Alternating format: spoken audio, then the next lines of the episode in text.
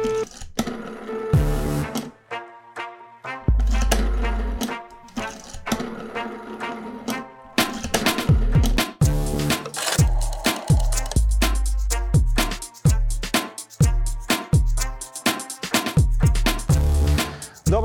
Dobrodošli u još jednu emisiju, još jedan podcast. Ovoga puta nećemo imati gosta u studiju, već ćemo se baviti e, stvarima koje ste vi postavili kao pitanje, kao problem, a ja ću napomenuti na samom početku broj telefona na koji se možete javiti, postaviti vaše pitanje 069 893 0023, to je Viber broj.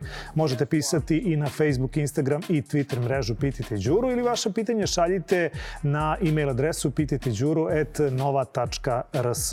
I za početak krećemo sa jednom temom koja se tiče svih građana Srbije, ponajviše naravno Beograda. Reč je o metrou i o tome da grad Beograd planira izgradnju metroa, a da stanica metroa neće biti gde je sada železnička, glavna železnička stanica, a to je stanica Prokop. Upravo ovu temu iz dana u dan prati Miloš Vučković iz udruženja Po meri metro. Miloše, dobar dan ponovo.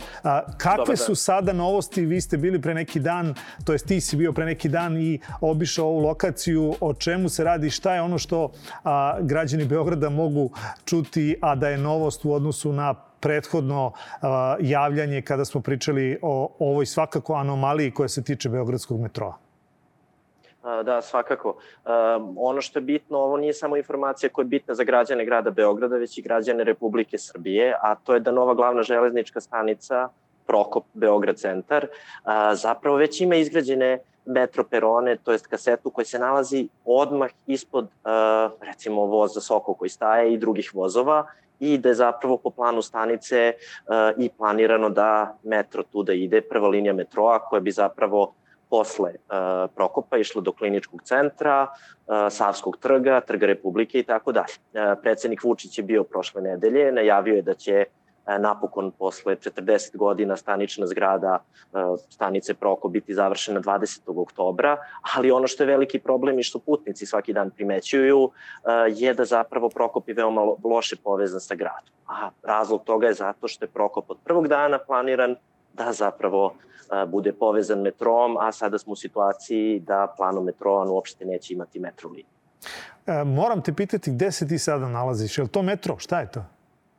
Nije, nije, nalazim se negde, eto recimo na tajnoj lokaciji, pričat ćemo o tome drugi put, ali eto isto nešto nezavršeno, beton i tako dalje, može se reći da eto prijatno se osjećamo ovako. Meni se čini da je to neka zgrada koja će uskoro biti možda u, nečijem vlasništvu nekog od tajkuna, recimo naših, ili, ili tome slično, ali da ne otkrivamo, je li tako, Miloše?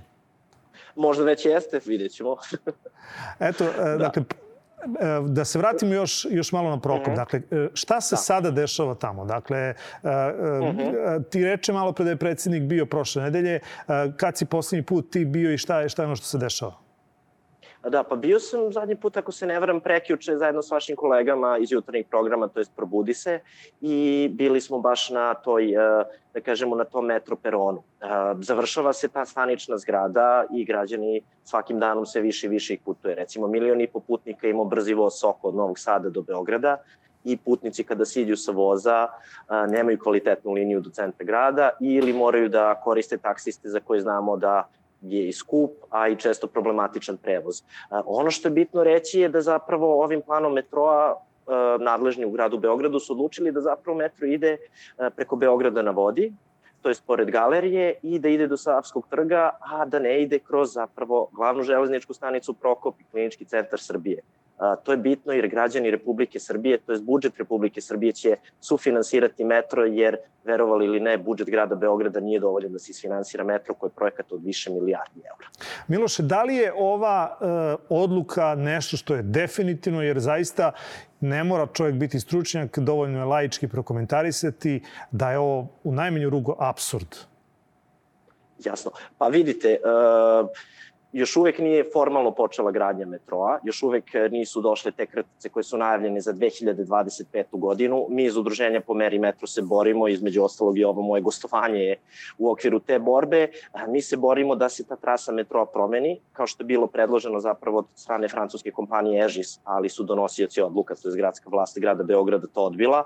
I eto, mi se nadamo sve do onog trenutka dok ne krenu kratice da buše po najavama gradonačelnika 2025. godinu tunele. Mi ćemo se boriti i nadati kao dobro informisani optimisti da zapravo metro može biti po meri građana i da glavna železnička stanica u Beogradu i Srbiji zaslužuje da ima kvalitetnu metro liniju kao i građani koje koriste. Miloše, hvala puno na ovom izveštaju, na ovom uključenju. Evo, ja stojim na raspolaganju svaki put kada se stvari pomere sa mrtve tačke, to jest uh, sa ove tačke koje kaže da je bitnije da metro stanica postoji u tržnom centru galerija nego u glavnoj železničkoj stanici, pa da tu svakako stvar pratimo. Hvala još jednom jednom. Bio je to Miloš Vučković iz Udruženja Pomeri metro. A evo jedne teme e, koju ste postavljali nekoliko puta. Naime, građani Ostružnici su se bunili e, za organizacijom Doma zdravlja u ovom delu e, opštine Čukarica. Pa stiže jedno saopštenje upravo iz Doma zdravlja Simo Milošević, koje je dakle, krovno za opštinu Čukarica. Oni kažu od 11. januara 2023. planira se otvaranje pedijatrijske službe u ambulantama Ostružnici Ostružnica i Velika Moštanica po sledećem rasporedu. Dakle, Ostružnica ponedeljak i petak od 7 do 13.30, sreda od 13.30 do 20 časova i Velika Moštanica utorak od 13.30 do 20 časova i četvrtak od 7 do 13.30. COVID ambulanta na Čukaričkoj padini u ulici Stevana Đurđevića, Trošarinca, broj 2, se zatvara zaključno sa 25. novembru 2022. godine. Ali ono što je ovde bitnija informacija jeste upravo sledeće. Zbog kompletne rekonstrukcije ogranka železnika koja će trajati narednih godinu dana, navedene službe opšte medicine, polivalentne patronaže, kućnog lečenja i nege, pedijatrije, stomatologije, sele se u zdravstvenu stanicu Sremčica, a ginekologije u ogranak Žar Žarkovo. Građani železnika mogu ostvariti zdravstvenu uslugu u navedenom ogranku i stanici, kao i u ostalim ograncima Doma zdravlja dr. Simo Milošević Čukarica. Stomatologija nove usluge, dakle, takođe nude tu jednu reklamnu informaciju u, u, u okviru ove informacije. Dakle, zbog renoviranja, svi vi koji živite na Ostružici, morat ćete da idete u ove domove zdravlja gde sam nabrojao. Dakle, to je zvanična informacija i to je na neki način odgovor na ovo vaše pitanje kada ćete ponovo ponovo imati svoju službu patronažnu u ogranku u Ostrožnici. Idemo sledeće pitanje. Ono se odnosi na račune Elektroprivrede Srbije. Naime, pisali ste ovako. Iskreno vas molim da mi iko odgovori na ovu moju treću poruku kako bi na vreme izbjegli eventualne neprijatnosti. Račun za januar još uvek nismo dobili, iako je danas 23. februar, a rok za plaćanje računa je 28. Pravo na popust sam već izgubio čekajući vaš odgovor. Takođe, molim za pojašnjenje decembarskog računa koji sam pisao u poruci poruci od 14. februara. Kaže naš gledalac, u prepisku smo uključili redakcije nekih medija. S poštovanjem moje pitanje glasi šta je treba od svega ovog da platim za decembar 2022. Molim za pojašnjenje. Račun za januar 2023. još nismo dobili zaključno sa 14. februarom 2023. I nakon silnog pisanija konačno je stigao i odgovor nama, a i gledalcu koji postavio ovo pitanje. On stiže od Jasmine Žestić iz elektroprivrede Srbije, tačnije iz elektrodistribucije Beograd, ona kaže vaše dugovanje po ovom EDE broju je u prilogu i to je račun do odjave do 6. januara 2023. Više nećete dobijati račune po ovom EDE broju. Nakon toga prelazite na kupca proizvođača i za račun od 6. januara 2023. treba da se obratite na adresu e-mail adresu kp.eps.rs. Drugim rečima, ovaj potrošač nije dobio adekvatno obaveštenje, već na ovaj način morao da sazna da očigledno neće ostvariti svoj ono pravo na popust s obzirom na ukoliko plati račun u određenom periodu. Dakle, morate voditi računa da čim vam račun ne stigne na vreme, odmah se obraćajte elektrodistribuciji Beograd da vidite o čemu je reč, ponekad budite uporniji ne samo putem e-mailova kao što ste to ovoga puta učinili, već pozovite i telefonom, ali svakako ovo je primer da treba biti uporan i da u ovakve stvari treba i tekako uključiti medije, u ovom slučaju i ovu emisiju. Na neki način mi smo ih pritisli da bar dobijete ovaj odgovor koji je možda zakasneo, ali je bar odgovor da znate šta vam je činiti i u kom statusu je vaše brojilo sada i vi kao kupac. Eto, dakle, to je odgovor na ovo vaše pitanje. A idemo na sledeću temu. Vrlo često u ovoj emisiji su tema psi i to oni psi koji se u najmanjem može reći da su zlostavljani. Upravo zato na vezili imamo Jelenu Jeftović koja je jedna od osoba koja brine o psima i koja ne da da se ove stvari nekako stave u zapećak i da javnost ne čuje o njima. Jelena, dobar dan, dobrodošli u, u emisiju. E, dobar dan i hvala i vama na pozivu i što ste uvek spremni da razgovaramo o ovakvim temama koje naravno, kao što ste rekli, ne smeju da se zaborave. E, vi ste u nekoliko navrata meni pisali i navodili ste nekoliko primjera širom Srbije gde su psi zlostavljani, ubijani na mučki način, ali ajde da ja ne pričam, dakle da kažemo gledalcima e, šta je ono što, čemu vi svedočite.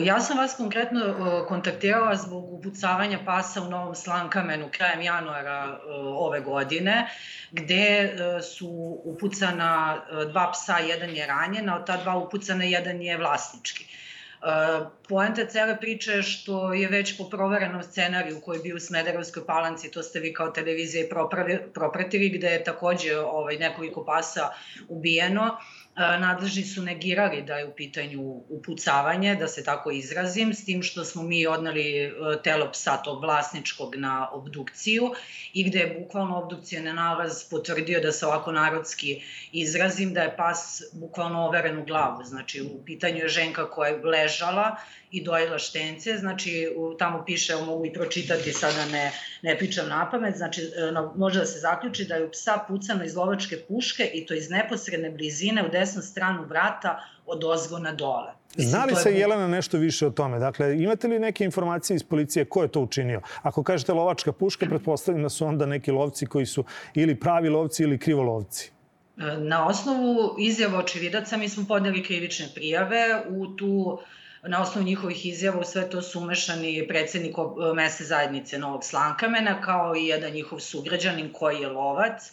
E, svedoci su dali izjave u policiji. Policiji su svi ovi dokazi sa obdukcije, čaure, e, od sačma i sve što su oni tamo izvadi iz, iz psa predati. E, mi smo morali da angažujemo advokata kako bismo dobili informacije šta se dešava sa tim postupkom. Znači, poslednja informacija koju imamo jeste da je to predato tužilaštvu, da se očekuju saslušanja ovih lica koje su svedoci naveli kao izvršioc, odnosno jedan je viđen kao izvršilac, drugi se može ajde smatrati e, pod strekačem, sad kako će to tužilaštvo kvalifikovati, to ćemo videti.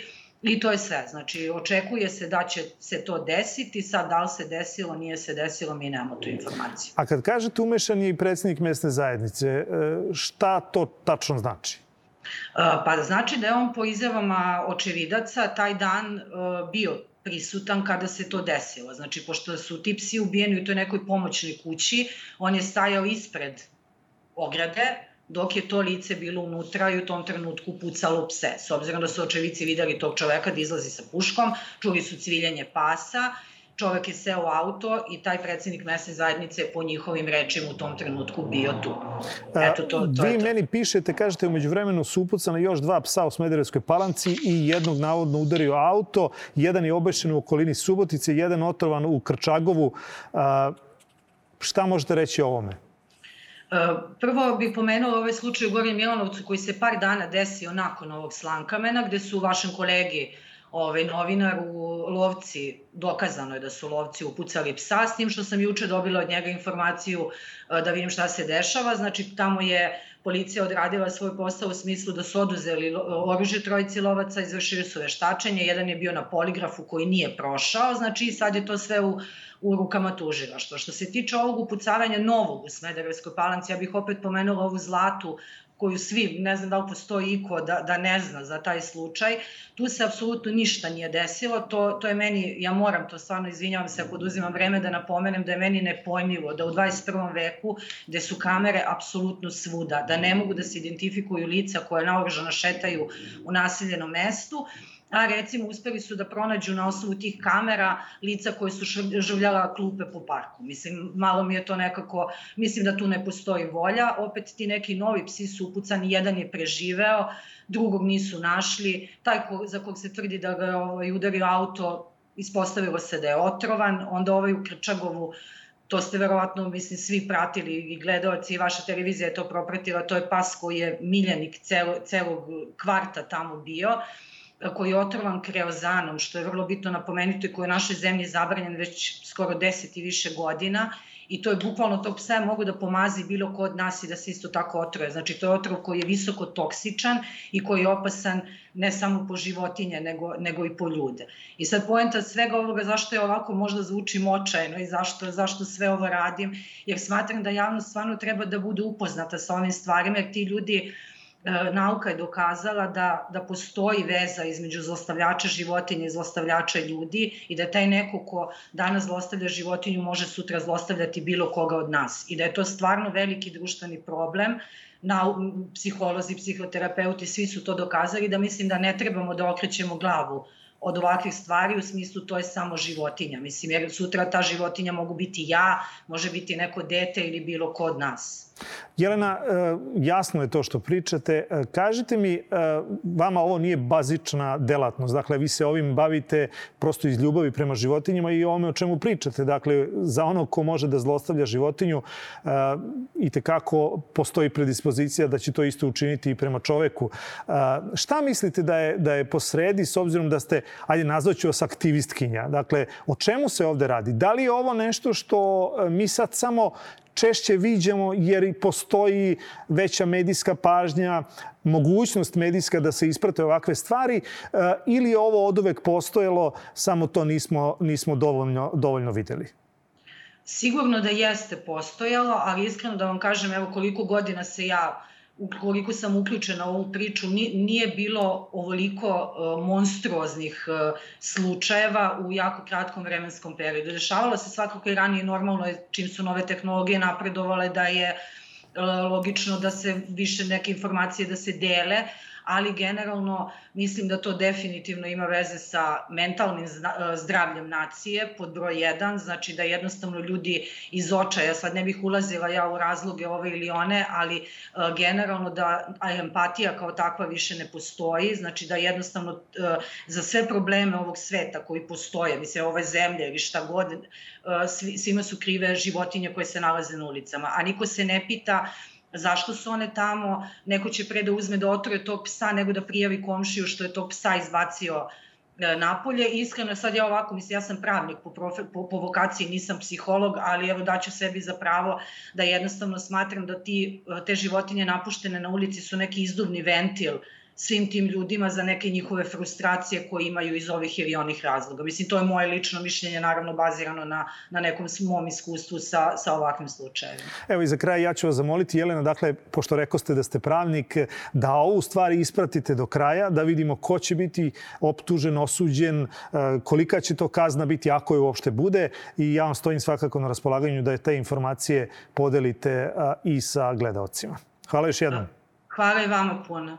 E, čuli ste Jelenu Jeftović e, e, oko ovih problema zlostavljanja pasa i ne samo pasa, već i mnogih drugih životinja za koje možda i ne znamo, ali zato je tu dakle, broj telefona, zato se i vi javite 069-893-0023 pa pozovite i iznesite vaše viđenja ovakvih stvari i ne samo ovih, već i drugih.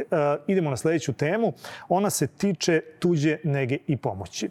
Evo jedan gledalac koji je moj stari stari e, poznanik, to jest e, neko ko prati ono što ja radim već dugi niz godina, on kaže ovako, imenjače, brate, prijatelju, meni ste pomogli kada nigde nisam mogao pomoć da nađem za izvod iz knjige rođenih iz Bosne i Hercegovine. Molim vas najljubaznije, ako je moguće nekako da proverite ko je nadležan za donošenje rešenja o dodeli tuđe nege i pomoći. Predali smo za moju suprugu još prošle godine u junu mesecu u socijalno svu dokumentaciju i od tada do danas ni traga ni glasa. Više puta smo pokušavali bilo kakvu informaciju preko njih da dobijemo uzalud, kao kao da ne postojimo. Supruga je korisnik trajne socijalne pomoći, težak je bolesnik i 100% nesposobna za rad od strane Lekarske komisije u Novom Sadu i ustanovljeno i potvrđeno četiri moždana udara i jedan srčan i srce je trenutno radi ispod 30%. Pitanje je dana samo kada će i tako stanje da se pogorša. Od rane mladosti je diagnostifikovana neurofibratoza tip 2, neurološko degenerativno genetsko oboljenje ili poremeće od čega ima tumor na mozgu između ostalog. Samo želim da pitam gde se može dobiti informacija o, o toku odluke za njenu tuđu negu i pomoć, jer trenutno je jedini prihod u kući ta njena socijalna pomoć, obzirom da ja samo povremeno mogu da nešto odradim privatno i na jako kratak rok, obzirom da ona ne sme biti sama bukvalno ni jednog trenutka. Eto, to je pisao Đurđević Đura. Ja sam ovo pitanje uputio u e, Republički fond za penzijsko i validsko osiguranje. Odatle sam dobio početkom februara informaciju da supruga mora da ode na veštačenje 3. februara 2023. u 9.30 u filijalu PIO fonda u Sremskoj Mitrovici i upravo nakon toga su gospodin Đura i njegova supruga otišli u Sremsku Mitrovicu. Međutim, nažalost, negativan je odgovor te komisije. Evo šta je on meni poslao kao odgovor. Kaže, poštovani gospodin Đura sa velikom tugom, moram da vam javim da nam je stiglo negativno rešenje danas, to je supruga je odbijena za tuđu negu i pomoć, a kad malo dođemo sebi od šoka, javit ćemo detalje, ima rok od 15 dana na žalbu. Hvala vama za svaku pomoć, Đuriju Đura sa suprugom Aleksandrom. Eto, tako je pisao e, moj imenjak. Nažalost, ovo se ovako završilo, mada postoji ovaj e, 15 dana rok za žalbu, bilo bi dobro da se žalite, jer ukoliko navodite da je ona nesposobna za, eh, da sama brine o sebi i da ste vi tu neko ko mora da brine o njoj i te kako postoji, bar ja mislim da postoji razlog za tuđu negu i pomoć, molim vas da eh, me obavestite o čemu eh, se u daljem toku radi, dakle dokle ste stigli i, jeste, i da li je vaša žalba usvojena. Idemo na sledeće pitanje koje se tiče turističkih agencija. Evo ovako piše Marija Vuković, kaže ona, dobar dan, znam da je ovo česta tema, ali ni turističke agencije ne odustaju. Sa prijateljima smo pre mesec dana oplatili ceo iznos za četvorodnevni put u Toskanu preko agencije Traveland. Prvo je drugi par prošle nedelje imao smrtni slučaj u porodici, a u petak saznam da ja moram na hitnu operaciju. Zvali smo agenciju sa molbom da nam prebace uplatu na drugi datum, pošto isti aranžman imaju za uskrs 1. maj. Odgovor je bio da to nije moguće, te da probamo sami da prodamo aranžman, a njima da dostavimo medicinsku dokumentaciju kako bi nam u slučaju odustajanja od, od puta vratili bar nešto, pošto ovako mogu 90% uplate da zadrže. Prvo, dakle im prava da nam traže medicinske izveštaje, to je protivzakonito. Evo šta član zakona o medicinskoj dokumentaciji, član 40 kaže, podaci iz medicinske dokumentacije pacijenta predstavljaju naročito osetljive podatke o ličnosti. I kakvi su to troškovi da otimaju 90% uplate, a najbitnije, zašto ne može da se pomeri datum putovanja usled nepredviđenih okolnosti, pa je gledateljka Marija poslala tu čitavu prepisku u mailu. To neću ja sad da čitam jer prosto je jasno o čemu se ovde radi. Zato je na vezi Dejan Gavrilović iz Udruženja za zaštitu potrošača efektiva. Dejane, pretpostavljam da si se susretao sa ovakvim stvarima. Šta reći? Dakle, imali ove ikakve pomoći i imali gledateljka Marija Vuković ikakvog prava na 100% povraćaj novca ili bar zamenu, kako ona kaže, oni sami nude drugu opciju, valjda će se stvari do 1. maja rešiti pa da odgode to svoje putovanje. Pa u principu nemaju prava na 100% povraćaj, jer postoje tu, dakle, ta, ta situacija je regulisana članom 107 zakona o zaštiti potrošača, to je odustanak e, putnika od putovanja. I onda kaže, ako je to blagovremeni odustanak, onda agencija ima pravo na nadoknadu administrativnih troškova postoji i u e, stavu 4, čini mi se, je propisano, tamo definisano ako dođe do nepredviđenih okolnosti, a to je smrt člana porodice, bolest putnika i tako dalje. Dakle, putnik u, tom, u, toj, u toj opciji naravno ima pravo na odustanak od putovanja, ali agencija ima pravo da zadrži stvarne troškove. S tim što agencija mora da dokumentuje šta su to stvarni troškovi i taj član to i navodi. Dakle, kaže da je agencija u obavezi da dokumentuje te stvarne troškove. Dakle, čisto neka logika. Agencija, ako je platila taj aranžman, već je uplatila novac i taj hotel ili već prevoznik šta je u pitanju ne želi taj novac da, da vrati, onda je nije ni, nije ni logično začekivati da agencija vrati putniku sve, a da ona bude na nekakvoj šteti. Zato zakon i kaže, ako je imala neke troškove, stvarne troškove, ona ima pravo da ih nadoknadi, ostalo mora da vrati putniku. Ovo što se tiče e, dokumentacije, s obzirom da je zakon i predvideo mogućnost e, da putnik odustane usled bolesti, naravno da onda mora i da dokaže agenciji da priloži da priloži tu dokumentaciju ako želi to da koristi kao, kao argument. To je potpuno logično. E sad, e, kad kažeš blagovremeno, šta to znači? Dakle, postoji li tu rok u kom, koji je krajnji rok da vi obavestite agenciju da ste sprečeni da putujete? Dakle, 5 dana pred put, 2 dana, koliko je to? Ima to, agencije predviđaju tamo, znači ugovorom o putovanju je predviđeno kad e, ima neka skala po danima, kad se šta i koliko vraća i tako dalje.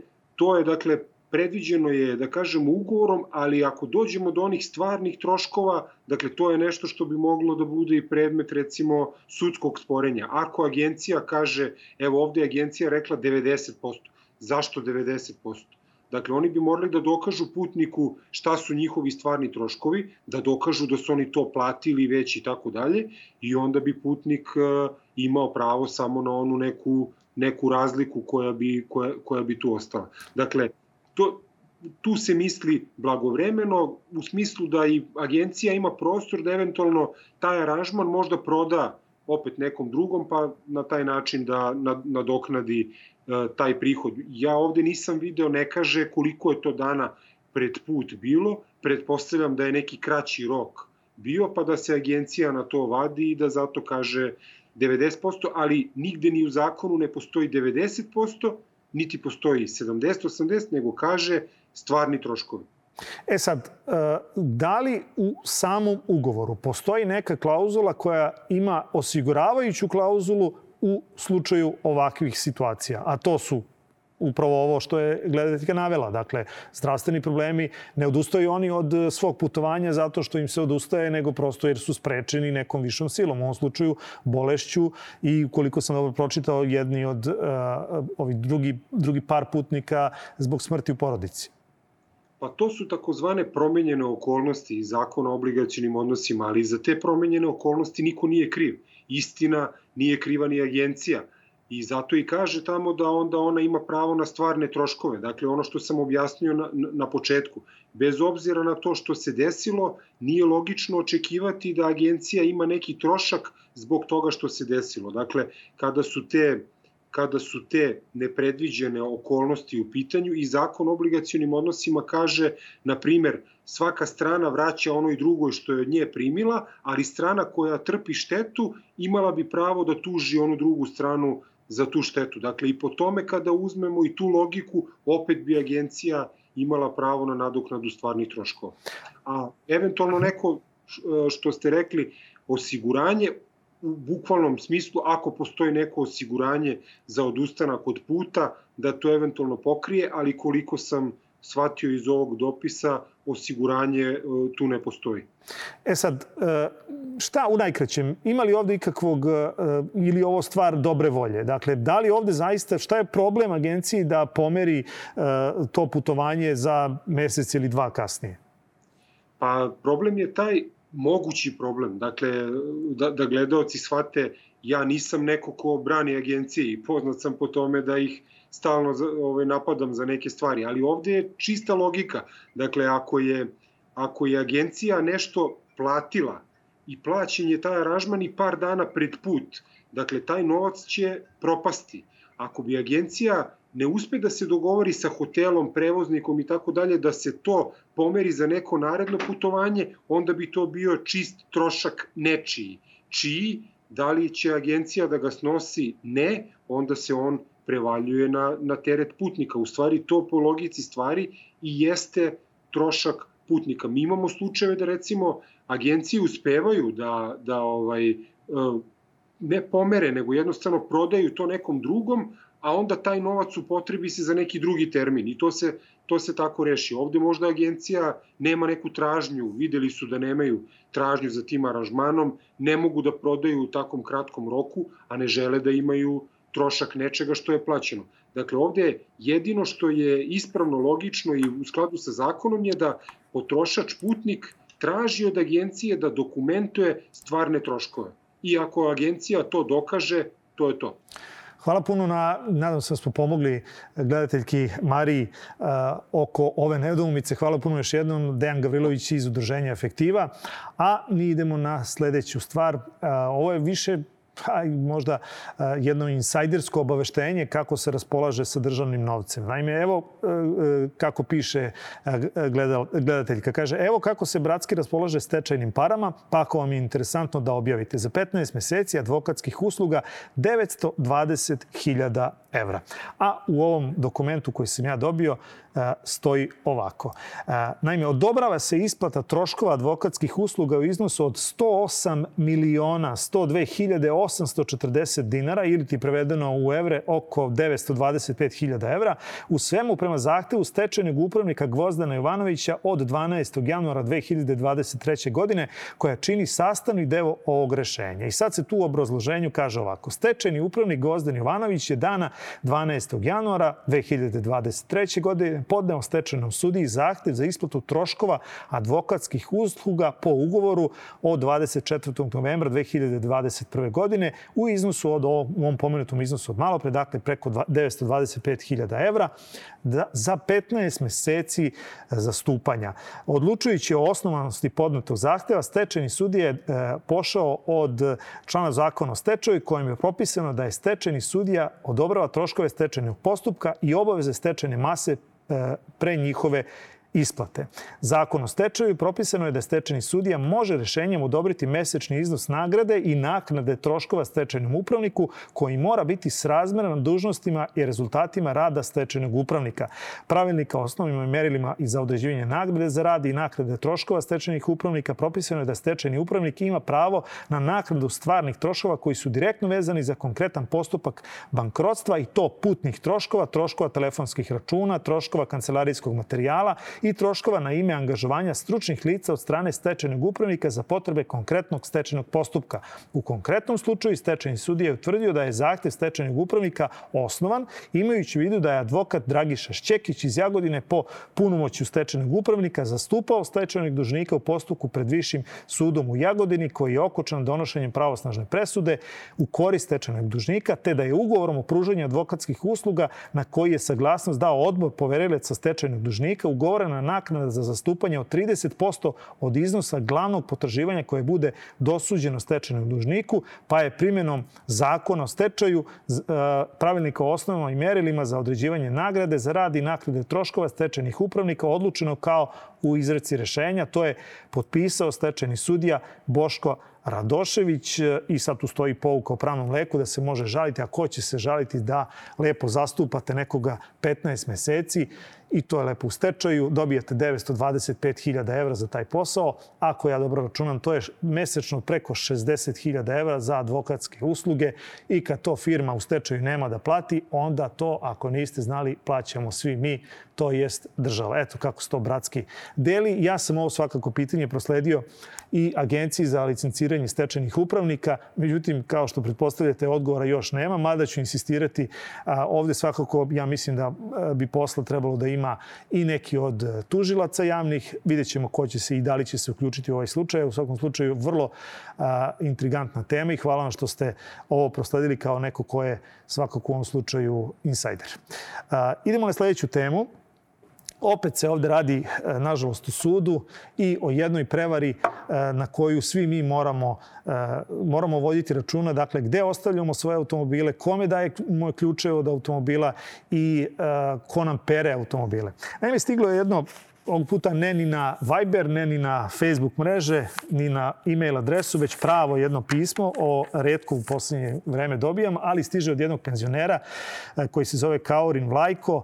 E, gospodin ima 86 godina, e, pisano je rukom, pa ću ja pokušati da polako ovo pročitam, s obzirom da je Ćirilica i to pisana, pa se malo teže čita, ali kaže on ovako. Dana 31. maja 2019. predao sam moj automobil Daihatsu, proizveden 91. na pranje radniku autoperionice u ulici Lješka broj 1. Taj radnik je Nikolić Dejan, oprao mi je, ali ih, mi, ih nije uh, parkirao, nije mi vratio ključeve uh, do večeri. Već ih je negde odvezao i nestao. Sutra dan su me uh, iz perionice obavestili da je Nikolić izazvao sudar sa mojim kolima koje je vozio sve to detaljno uh, napisano, prikazano u zapisniku, dobro, kažem, još jednom se izvinjavam zato što je pisano, policije, on je, uh, on je automobil uh, oštetio. Mene tužila Delta osiguranje, gde sam imao kasko osiguranje, gde traže od mene odštetu, odštetni zahtev koji je 5,5 hiljada evra. E sad neću ja ovo sve čitati zato što ovo više čitam da vi shvatite šta vam se može desiti. To je sad sa kamatama naraslo i do 6.000 evra. Došlo i do tužbe. Gospodin je veoma bolestan, ne zna čega, čega ovo da plati. Pa je pitanje ima li ovde ikakve pomoći? Da li država Srbija ovakvim stvarima može da zaštiti ljude koji ovako poveruju nekome, daju svoje ključe automobila autoperionici, ona im opere auto, ali im onda auto ne vrati, nego taj auto e, koristi. Dakle, očigledno ovde mora ide, da ide neka privatna tužba, jer je ovaj čovjek oštetio vlasnika automobila, ali ja ću se potruditi e, iz advokatske komore Beograda da e, probam da dođem do odgovora da li ovde postoji ikakva, ikakvo rešenje. Postoji naravno i tužba gde se vidi da su oni vlasnika automobila tužili i da, je, da on mora da plati odštetu trećim licima koja su tu bila i povređena u tom sudaru koje je izazvao ovaj radnik u perionici. U svakom slučaju, eto jedne situacije za nauk svima nama koji ostavljamo automobile i ostavljamo ključeve nekim nepoznatim licima, da dok vam peru automobile očigledno stojite ispred e, perionice dok on ne bude cakum pakum gotov i čist. Ne dajte svoj ključ i svoj automobil nikome jer vam se može desiti ovakva situacija. A ja našem gledalcu koji je pisao pismo obećavam da ću pokušati da dođem do odgovora kako ovakve stvari i da li se ovakve stvari mogu rešiti, šta mu je činiti, e, da li privatna tužba može možda perionici, možda ovom radniku da nadomesti sve ove vaše troškove koji su umeđu vremenu nastali. I za kraj još jedno e, pitanje koje za sada nema odgovora, ali prosto ovde treba biti uporan i ovo ćemo svakako malo, malo ponavljati. Stiže sa Ostružnice. Naime, Nikola Todorović je pisao ovako, kaže on, građani Ostružnice Reč je o veoma problematičnom delu Brenovačkog puta, neposredno e, uz autobusko stajalište u zoni ulice Dositeja Obradovića, gde ne postoji ni pešački prilaz, ni isprekidana linija.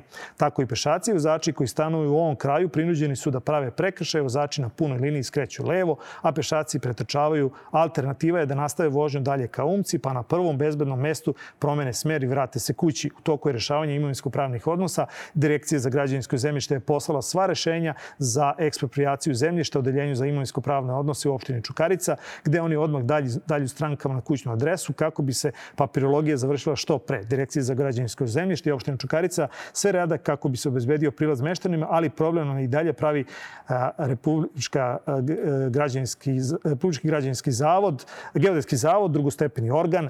Dakle, vidimo slike kako to izgleda. Ovde je veoma opasno dakle, pretrčavati. Ovde se samo radi o tome da se ili pravi pasarela ili da se napravi pešački prelaz sa signalizacijom koja će biti svetlosna, tačnije semaforom i stvar će i tekako biti rešena. Ja ću ponovo tražiti od Republičkog geodetskog zaveda da vidimo gde je zapelo i zašto ne rešavaju ovu već sada dugogodišnju stvar, to jest ovaj dugogodišnji problem. Mislim da smo uh, za sada za ovo izdanje završili. Vama ostaje da se javite i postavite vaše pitanje na broj telefona 069 893 0023, to je Viber broj. Pišite i na Instagram, Twitter i Facebook mrežu Pitajte Đuru ili vaša pitanja šaljite na pitajteđuru.nova.rs. I za kraj ću reći još jedno, zbog našeg gledalca Vlajka Kaurina, možete poslati ovako pitanje e, u, u formi pisma, neka ono bude, molim vas, što čitkije, neka bar bude štampano, a ne pisano, e, na adresu Kneza Višeslava 88 za emisiju Pitajte Đuru. Eto, toliko za ovaj put. Vidimo se ponovo u sledeći utorak.